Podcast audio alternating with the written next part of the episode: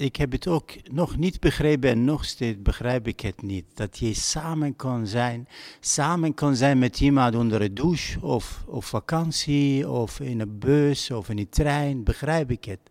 Maar samen zijn met iemand om te dichten of iets te maken, dat begrijp ik niet. Omdat soms lig je met iemand in bed, maar die persoon gaat naar zijn slaap en je gaat naar je eigen slaap. We hebben elkaar niet gezien, hè? niet in het echt. We hebben zelfs ook niet gezoomd samen. Ehm, de ontmoeting gebeurt dus echt in de bundel zelf.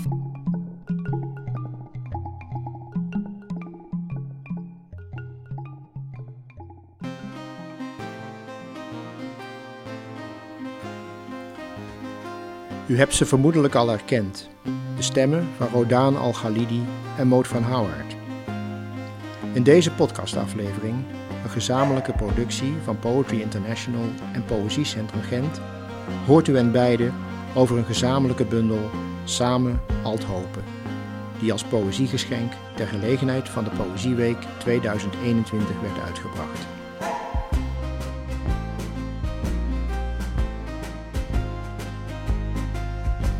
Deze aflevering is de eerste aflevering van Poetry International's podcastserie What You Will Hear Is True.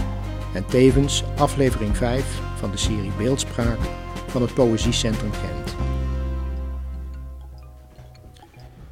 Mijn naam is Jan Baken en ik trof beide dichters eind 2020 voor een gesprek over Samen Althopen. Rodaan en ik zaten op ruim anderhalve meter afstand van elkaar in de prachtige Zwolse boekhandel Waanders in de Broeren.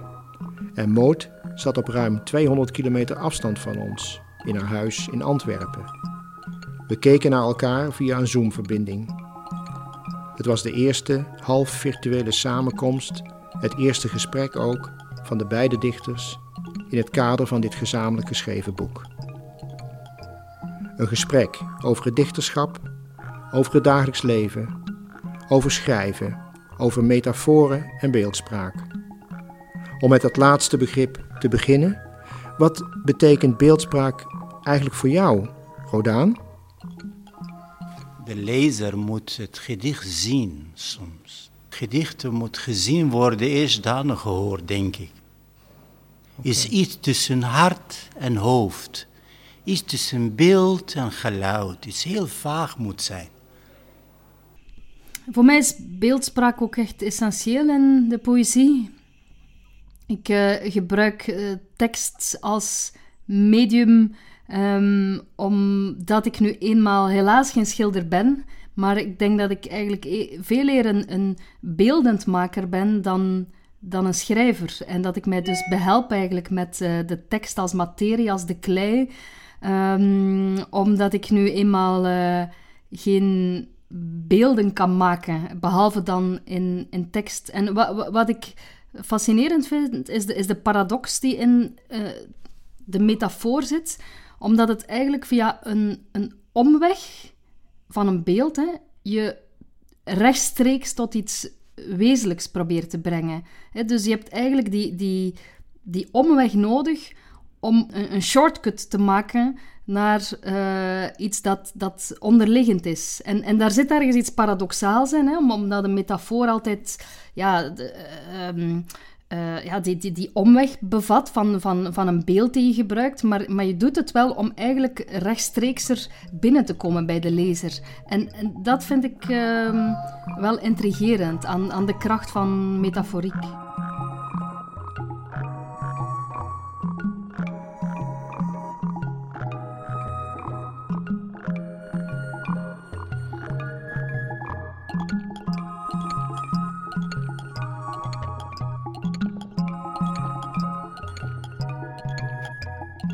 Meerte belde mij van uh, water. Ze zei, zou je vijf gedichten schrijven voor het thema samenleven? Ik zei, ik kan niet werken met thema. Nee. Ze zei, weet je wat, doe wat je wil. en, en, maar blijft het woord samen in mijn hoofd. Dus het is automatisch geen elke gedicht schrijven van die vijf over samen zijn. En ze zei, je gaat schrijven met moed. Ik dacht, wauw, ik ken die persoon heel lang. Prachtig. Dus moed wordt ze ook in mijn hoofd met het woord samen, met vijf gedichten. Dus dat voor, voor mij meer psychologisch, het woord samen. Er is een andere dichter, gaat het lezen wat ik ga doen. Normaal gesproken, of gooi ik het gedicht in een Facebook, of wacht ik tot het gepubliceerd wordt in een bundel. Maar ik ben niet zo enthousiast over bundel publiceren.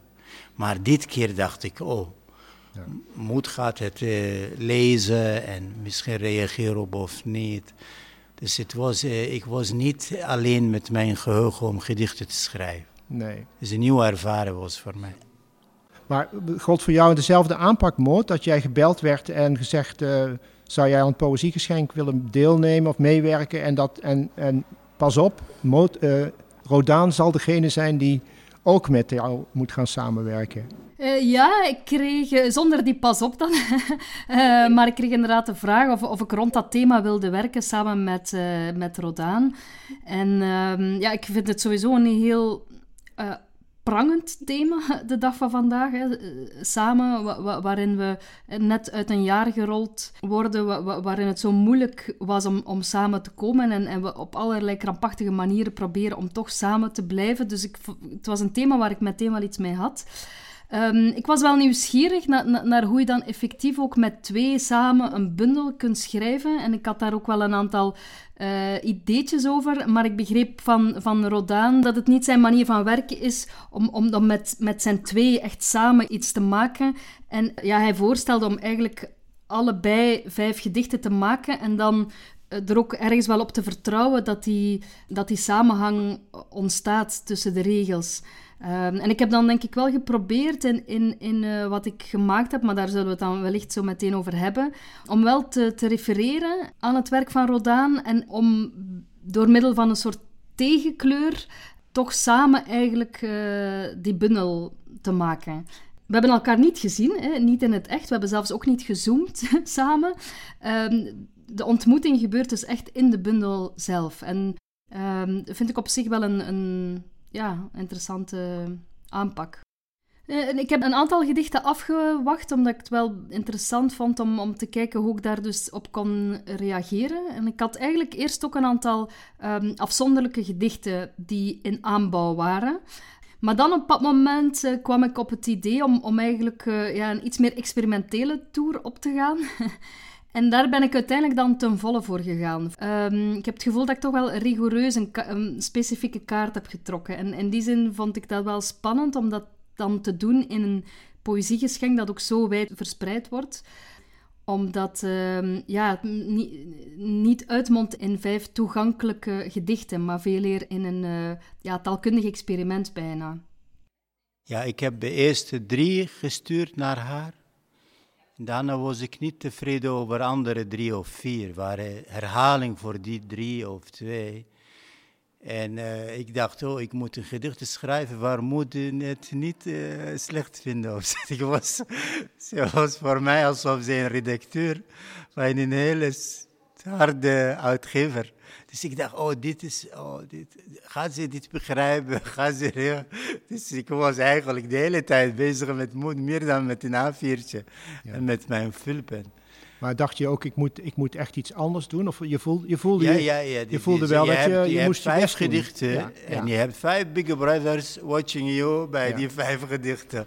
Terwijl ik schrijf echt wekelijk of soms dagelijks gedichten voor mezelf. Ja. Is soort mijn... Eh, om, om mijn hoofd een beetje schoon te maken van het dagelijkse leven. Ja. En, uh, en het was voor mij uh, is een hele uh, bijzondere ervaring om te schrijven en je weet dat iemand anders gaat erop reageren, misschien als het goed is. Ja, had je zelfs de vrees dat moet zou zeggen, ik vind dit helemaal niks Nee, ik heb haar ontmoet heel lang geleden bij Zouderzinnen. Ze was ze presenteert dichters. Een enorm gevoel voor taal, een enorm heel zacht mens. Dus ik wist van toen dat ze enorm gevoel voor woorden heeft. Dus eh, die beeld van haar was bij mij gebleven. Ja, en, en ik, ik ben nooit, ik ben niet bezig met de literatuurwereld, ik lees geen boeken. bezig met gitaar leren en wandelen. Dus het was prettig voor mij om iemand te hebben dat ik hem lang ken. Maar wel bezig met de maatschappij, want dat zie je duidelijk in jouw gedichten. Altijd al, hè? heel sterk. En ook natuurlijk in deze keuze die je hier hebt uh, uh, gekozen. De gedichten die je hebt gemaakt voor deze bundel. En um, zo'n zo'n gedicht als... Um, samen met een psychopate. Het gedicht waar de, waar de zin uitkomt die onder andere door Moord is gebruikt in haar uh, deel van de bundel. Dat is best een, uh, een, een, nou, zeg, een, een heftige keuze. Ja, dit, zijn zo, dit een van de soort gedichten die ik voor mezelf schrijf. Ja. En die heel erg Weet je, ben ik heel voorzichtig met die soort gedichten om te publiceren. Omdat mm. ik ben zo vrij in dit gedicht om het precies te schrijven zoals ik wil. Ja. En uh, wij weten niet wie is de psychopaat, de man of de vrouw. Nee, dat blijft. En het is zo gek, een beetje soort ja. thriller techniek-achtig. Dus ik was heel vrij met dit gedicht. Ja. Maar wat, je wel, wat ik wel in, in dit gedicht ook, maar in de andere van, van Samen en ook wel meer in jouw werk zie, is dat je heel vaak uh, toch altijd wel bepaalde personen samenbrengt. Het gaat niet zelden over, over één of twee mensen die zich tot elkaar verhouden. En ook heel vaak blijken ze ook nog een beetje fictief te zijn. Dat heb je zelfs in deze bundel natuurlijk op meerdere ik, plekken. Ik ben echt een deel van de maatschappij. Ik, zie, ik werk in, in een soort schuur maar ik kan niet zonder mensen om me heen. Dus ik wandel met een hondje naar het park. En ik, soms hoor ik een fluister, iemand fluistert terwijl hij is wandelen. En dan, oh, iemand zei, weer op mij getrapt. Oh, het is prachtig. Meteen wordt een zin in mijn gedicht. Het is, ah, dit is de maatschappij, is een deel van mijn poëzie, denk ik. Ja. Dat is de bron waaruit veel voortkomt van wat je schrijft. Ja, als ik mijn gedichten lees, 20 jaar geleden of 15, weet ik het precies. Oh, dit is in de tijd van de moord van Wim Fortuyn. Ah, dit is in de tijd van de WK. Dit is toen, uh, dit is, meteen zie je iets heel, heel klein, maar wijs naar het dagelijkse leven.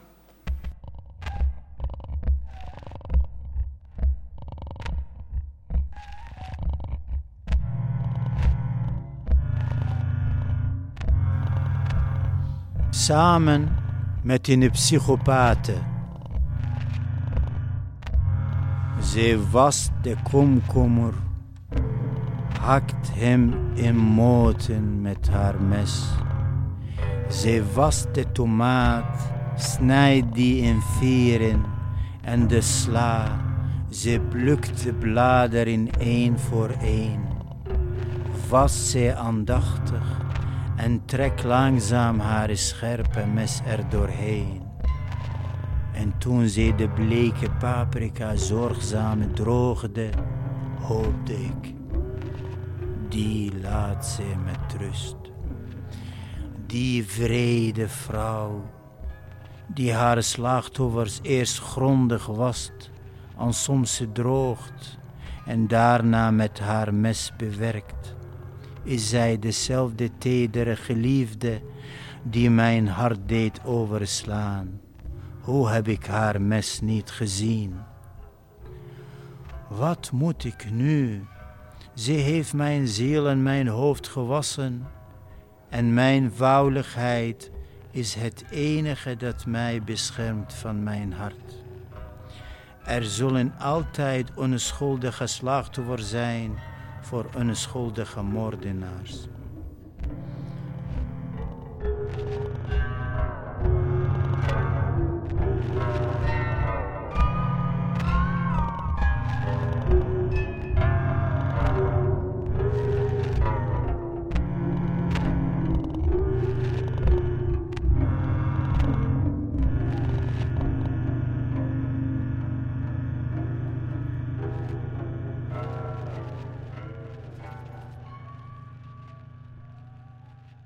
Dat is bij jou toch ook een moord, dat het dagelijkse leven en zeker, zeker ook de dingen die je, die je op straat tegenkomt, uh, hè, die je gewoon in het alledaagse buiten en binnen ervaart, dat die een belangrijke schakel zijn of zelfs een bron zijn voor, of een startpunt voor een gedicht? Ja, sowieso. Ik denk dan vaak aan Louis Paul Boon, denk ik, die zei dat hij zichzelf een seismograaf voelde die de trillingen van de stad opvangt. En um, ik denk zeker de voorbije jaren uh, dat ik uh, als stadsdichter in Antwerpen um, mocht werken. Ja, heb ik mij heel erg laten inspireren door de, de trillingen van de stad. En ook daarvoor eigenlijk al. Ik, ik, um, ik merk dat ik uh, heel erg aangetrokken word door de dynamiek van, van grootsteden. Dus uh, als ik eens een periode vrij heb, dan, dan het liefste wat ik doe is dan alleen gaan, gaan ronddolen in een, in een grootstad. Ik, ik, ik zou bijvoorbeeld niet zo snel in een klooster op een berg gaan zitten, wachtend op de goddelijke inspiratie, want ik vermoed dat die bij mij niet snel zou binnenkomen. Um, maar, maar laat mij maar uh, ja, mij anoniem eigenlijk in een, in een massa begeven. En om te zien wat daar dan allemaal gebeurt. En kleinste hoekjes van een stad. Dat, dat is hetgene wat mij wakker houdt. En um, even, even naar, de, naar de bundel zelf nog even uh, gaand, hè, naar samen. Um, misschien even uit te leggen. Als het goed is, hè, op dit moment dat de mensen dit horen, dan hebben ze allemaal die bundel natuurlijk in handen. Die hebben ze inmiddels gekregen en die hebben ze gelezen.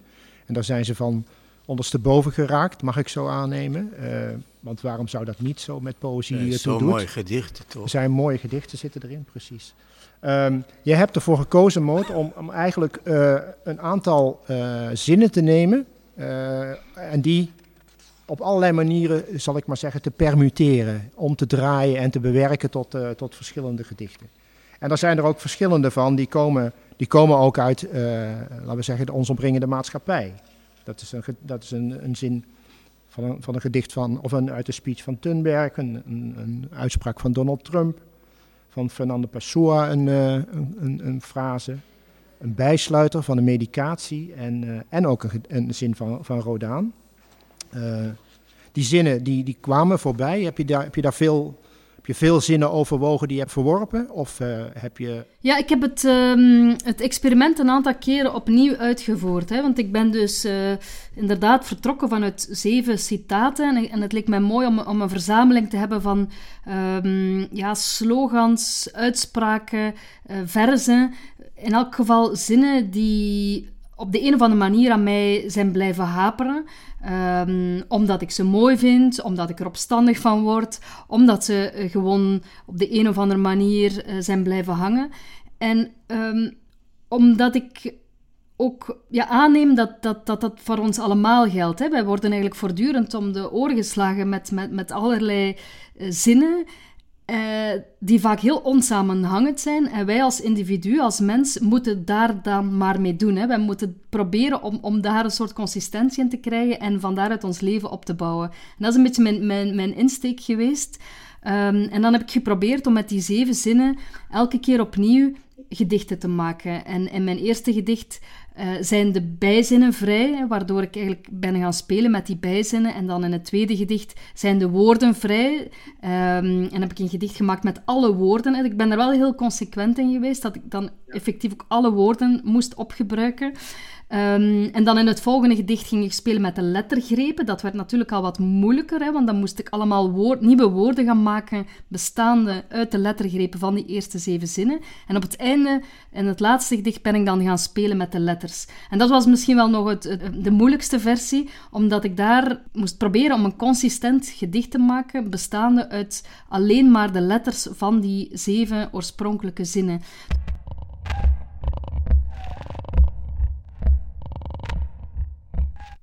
De zeven zinnen.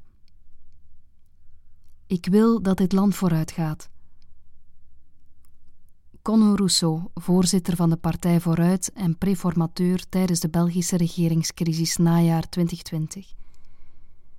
U bent nooit te klein om een verschil te maken. Greta Thunberg uit haar speech Climate Justice Now, najaar 2018. Muren werken als ze goed zijn gebouwd. Donald Trump over de grens met Mexico najaar 2019. Ze was de komkommer, hakte hem in moten met haar mes. Rodan Al-Ghalidi in zijn gedicht Samen met een psychopate, Confer pagina 3. Het is alleen mijn manier om alleen te zijn. Fernando Pessoa, De volledige quote: Dichter zijn is niet echt mijn ambitie, het is alleen mijn manier om alleen te zijn. Uit De Hoeder van Kudde, de Arbeiderspers 2003. Heeft u een dosis gemist, neem die dan alsnog in. Bijsluiter van Desorel 20, medicatie die ik moet nemen tijdens een IVF-traject. Het is maar te hopen dat we lang topen blijven. Mijn oma zaliger, topen is een West-Vlaams synoniem voor te samen. Eigenlijk is de titel Samen al topen. Dus dat is eigenlijk de, de, de volle titel, waarbij je eigenlijk met, met twee ja, synoniemen zit. Hè? Want altopen betekent ook gewoon samen. Um, en altopen is een, gewestelijke variant, is eigenlijk de West-Vlaamse uitdrukking voor, voor samen. Uh, niet dat ik per se uh, iets gewestelijks daarin wilde krijgen, maar ik vind het zo mooi staan ook, omdat hoop ook uh, erin zit vervat. Hè? Ook al komt het niet van, van, van die hoop, maar gaat het gewoon over op een hoopje altopen. Oh, ja. En um, op die manier ja, hebben, hebben we toch de verwijzing naar, naar de opdracht die we gekregen hebben samen. Uh, maar wordt het dan verlengd met, met ja, die altopen.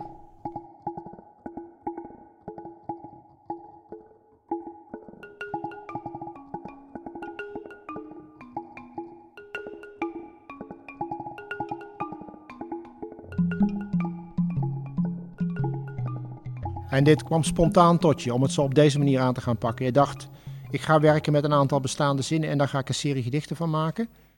Het, het kwam eigenlijk voort van het idee, um, wat betekent samen hè, en het belang van, van samenhang. En, en het is iets waar ik al een, een tijdje over nadacht, van hoe kan je als als eenvoudig individu omgaan met die veelheid van, van informatie en goede raadgevingen, maar tegelijkertijd ook uh, ja, commerciële slogans. Hoe, moet je als individu daar consistentie in vinden? En op de een of andere manier vind ik poëzie een heel mooi medium om. Um, daar op zoek naar te gaan. Poëzie als, als, als een manier om, om die tegenstrijdigheden, om, om beelden die allerlei kanten op slingeren, om die toch samen te brengen in, um, ja, in de huls van dat, van dat ene gedicht. Dat is voor mij ook de, de kracht van poëzie. In een gedicht dan wordt vaak het roer bij elke versregel opnieuw omgegooid.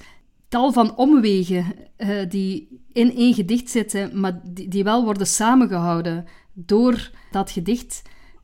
Daar zit voor mij ergens wel de, kracht in van poëzie. En zeker de dag van vandaag wordt poëzie daardoor ook wel relevant. En, en in die zin was het dus een beetje mijn antwoord op, op de vraag wat, wat uh, kan poëzie betekenen in, uh, in onze zoektocht naar samenhang. Ja.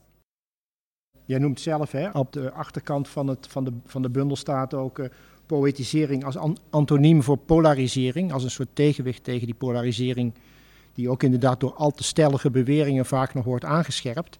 Is, uh, Um, is poëzie dan eigenlijk ook een medium wat uh, juist weggaat van de stelligheid? Ja, of in elk geval um, die stelligheden probeert om te buigen, waardoor ze misschien toch wel weer in elkaar kunnen haken. Want het is heel gemakkelijk de dag van vandaag om uh, je rug te keren. Iets, bijvoorbeeld een uitspraak te horen van Trump en, en meteen te zeggen, ah, wat een onnozelaar, uh, ik draai mijn rug toe en uh, voilà, ik... Um, ik leg dat naast mij neer. Um, en dat kan je doen met, met eigenlijk heel veel. Als, je, als je door social media scrolt, het, het, staat vol van negatieve uitingen. Maar ik denk dat het ergens de zoektocht is om al die uitspraken, al die zinnen waarmee we geconfronteerd worden, om daar toch op de een of andere manier onze eigen samenhang in te vinden. En um, in die zin schuilt er in poëzie altijd een heel naïef uh, verlangen. Hè? Want het is vaak bijna onmogelijk. En ik denk dat dat ook blijkt uit, uit, die vier gedichten die ik dan presenteer. Zeker die eerste gedichten, die, ja, die wringen aan alle kanten. Dat zijn geen mooie gedichten. Hè? Dat zijn geen uh, ontroerende gedichten die je op een, um, een affiche in je slaapkamer wilt hangen of op een kussensloop wilt printen. Dat zijn gewoon heel ja, uh, constructies die, die aan alle kanten wringen en schorten en, en Um, maar ik denk dat net die zoektocht van, van, van de dichter om daar toch in te blijven doorgaan, op zoek naar, naar, naar die schoonheid, dat daar ergens ook de ontroering in zit. En ik hoop dat, dat het mij gelukt is om dan in het laatste gedicht, waar ik dan met de letters kon spelen, daar dan toch een, een uh, ja, wat je kan noemen, mooi gedicht heb kunnen maken. Uh, maar, ik, maar, maar in die zin moet je dus die reeks wel echt samen zien en kan je het niet beschouwen als afzonderlijke gedichten, maar, maar, maar is het één uh, één weg, één worstelende weg die ik, die ik heb afgelegd.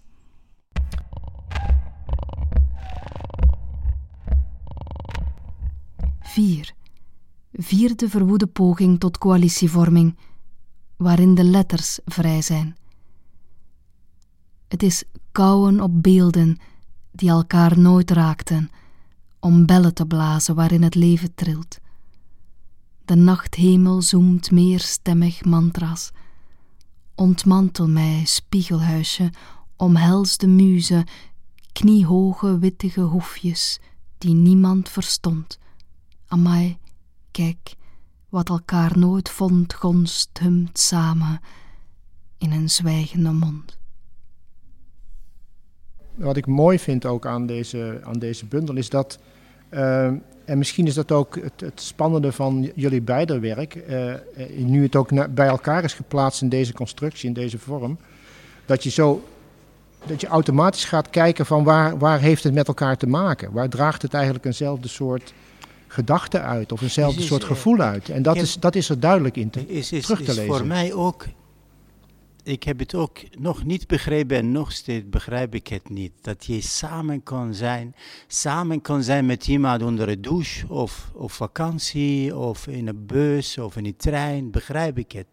Maar samen zijn met iemand om te dichten of iets te maken, dat begrijp ik niet. Omdat soms lig je met iemand in bed, maar die persoon gaat naar zijn slaap en je gaat naar je eigen slaap.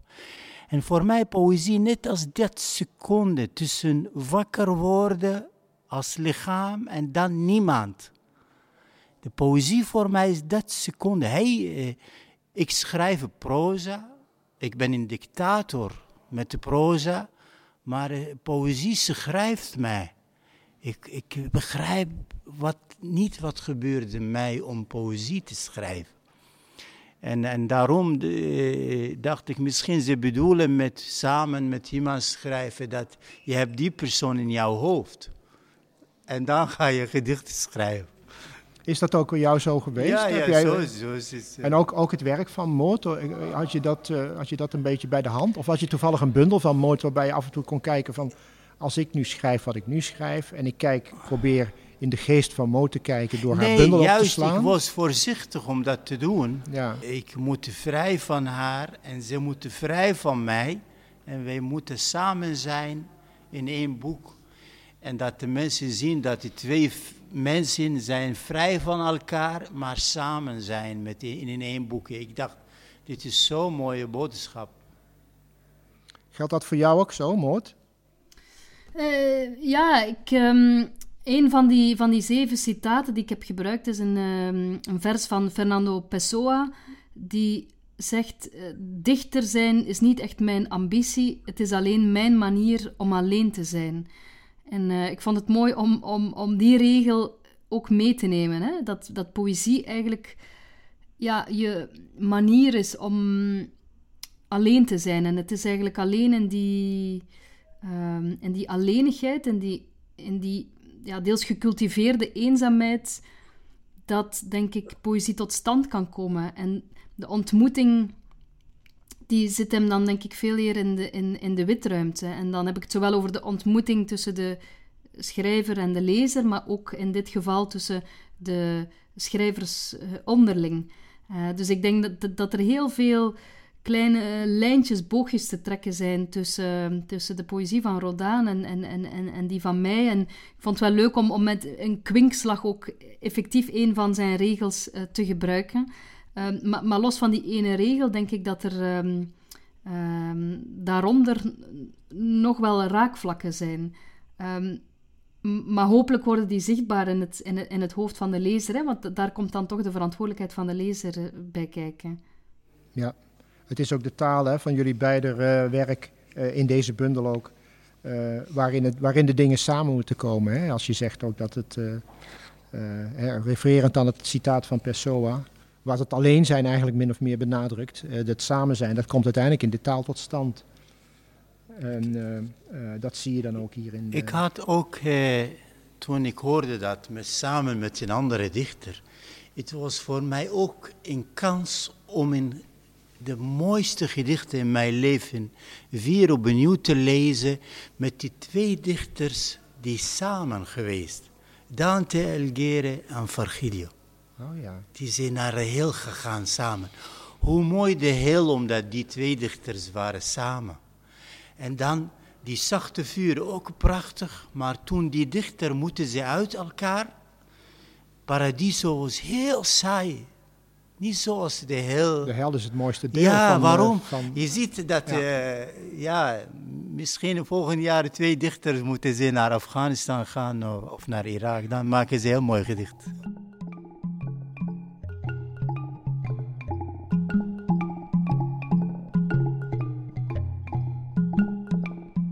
Uh, uh, dit gedicht heb ik het geschreven voor de kinderen in Nederland. Kinderen in Nederland zijn goede lezers voor poëzie. En uh, ik heb het geschreven in een soort sprookjeachtig. Voor Sam van acht, die woont achter de schuur waarin ik werk en die alleen bestaat in dit gedicht. Ik weet het, lieve Sam, als jouw oma, je moeder, het mooiste meisje uit de klas en je iPhone X vallen in een zee vol hongerige haaien en jij in een boot met goede wifi-verbinding kan slechts één van hen redden. Dan Bluk je niet je iPhone X uit de golven, maar je oma van wie je die telefoon kreeg en die je voor je negende verjaardag in iPhone 11 heeft beloofd. Dat is niet erg, Sam. Ik zou ook je oma redden. Wijsheid die met de jaren komt, is wezenlijker dan een hapje voor de haaien van appel. Sam, hoor je mij? roept je moeder. Enkel als zij in een appje stuurt, hoor je haar. Stel dat Trump ons in berichten stuurt. Dear Sam en Rodan, Amerika is net the greatest geworden. Zal jij denken dat jouw Trump beter is dan de mijne, omdat ik in Huawei Ascent P2 heb.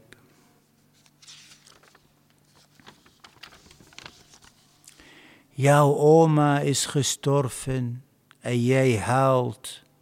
Tussen jou en de iPhone 11 liggen nu geen vier weken, maar de eeuwigheid. Als je na de begrafenis ontdekt dat ze al een iPhone 11 Pro voor je had gekocht, lach je doe je de simkaart erin en gooi je de iPhone X onder je bed. Dat is niet erg, Sam. Ook ik groeide vele jaren onder het bed in simkaarten van spijt en verveling. Het ergste is dat ook ik niet besta, behalve in dit gedicht, en slechts als het gelezen wordt. Moed, wat vind je eigenlijk van die gedicht van Sam? Ik dacht, je zou het heel slecht vinden. Nee, ik vond dat eigenlijk, uh, dat is eigenlijk het gedicht dat mij het meest heeft geraakt. Oh. Ik vond dat een heel ontroerend gedicht. Hmm. Um, ja, dat, dat greep mij gewoon um, meteen en, en heel erg. Um... En in, in, een vrouw zei tegen mij: Ik roep mijn kind, hij hoort mij niet. Ik moet een appje naar hem sturen. Dat was de sleutel. Ja. voor het gedicht. Ja.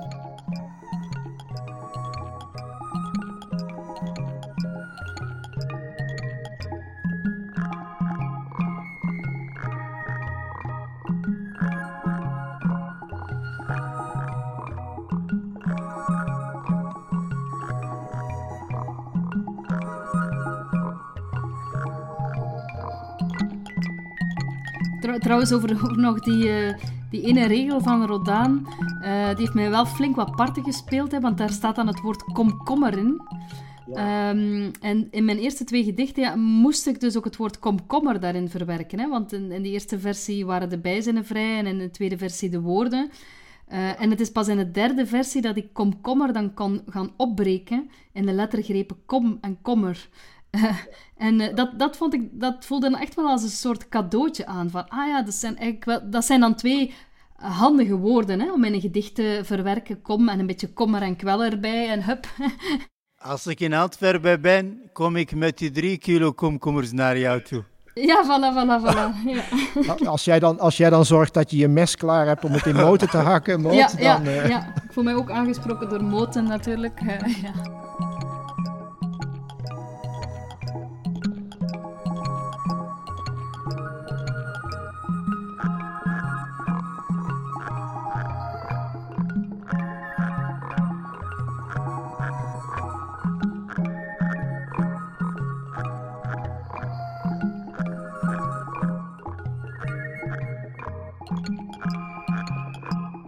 Was het voor jullie, hè? misschien is dat ook uh, goed ter besluit een beetje, want ik denk dat we aan de tijd zitten. Is het, is het experiment uh, voor herhaling vatbaar? Zouden jullie vaker uh, denken, het is, het is misschien wel goed omdat er wat vaker dichters gaan samenwerken, in welke vorm dan ook, dat je juist buiten de grens van je eigen schrijven treedt, omdat je nou eenmaal met iemand anders, een iemand anders vorm van schrijven, tot een geheel moet zien te komen? Zou jij, Rodaan, nog vaker met iemand willen samenwerken? Ik zou, ik zou, het ook samen, omdat je, iemand zit echt in jouw gedachten. Uh, net als Virgilio in de gedachten ja. van Dante Alighieri. En uh, het is echt in een hele andere manier van dichten. Dan krijg jij een soort invloed van iemand die niet bestaat eigenlijk nee. in jouw leven. Maar wij in het dagelijkse leven, altijd hebben wij iemand in onze gedachten. En hij bepaalt wie zijn wij. En dat is een heel symbolisch, heel mooi eigenlijk. Het klopt ook psychologisch. Ja.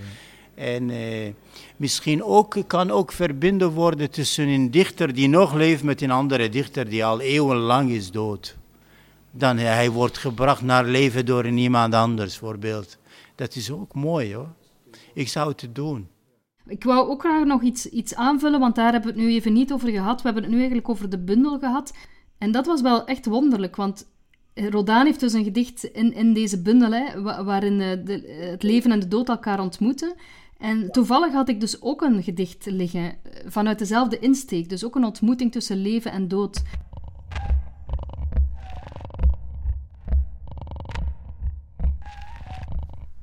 Ik ben hem, zei het leven, en ze rende achter hem aan. Mij kun je nooit pakken, hijgde de dood die rende alsof zijn lever vanaf hing. Al snel was de dood buiten adem, haalde zij hem huppelend in, tikte, maar nog voor zij kon wegrennen, raakte hij haar weer aan. De dood tikte, het leven tikte, en zo bleven ze ter plaatse, tikten de tijd weg. En toen de avond viel, waren ze moe van het spelen, gingen bang van het donker, hand in hand weer naar huis.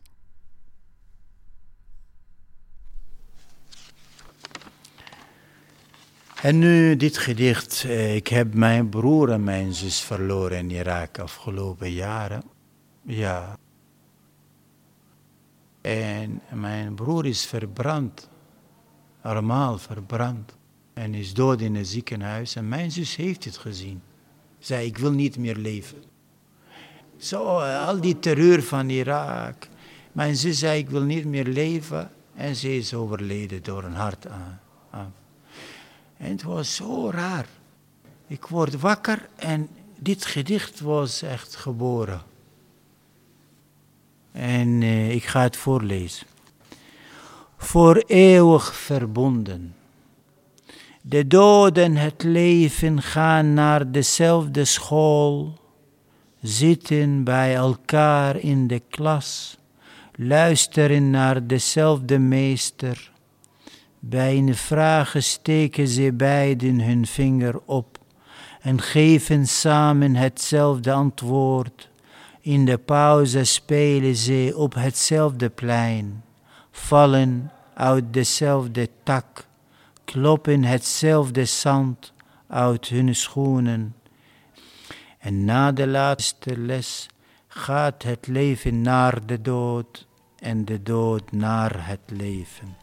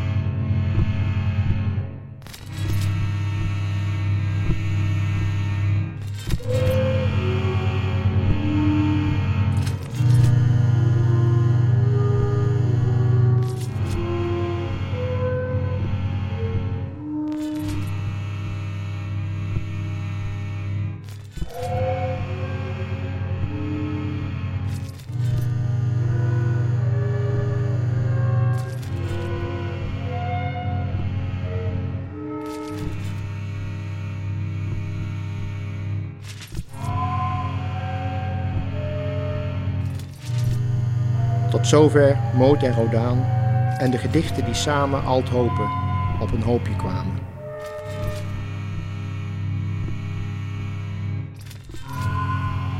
Deze podcastaflevering werd gemaakt door Jan-Willem van Hemert, Jan Baken en Nienke van Wijk.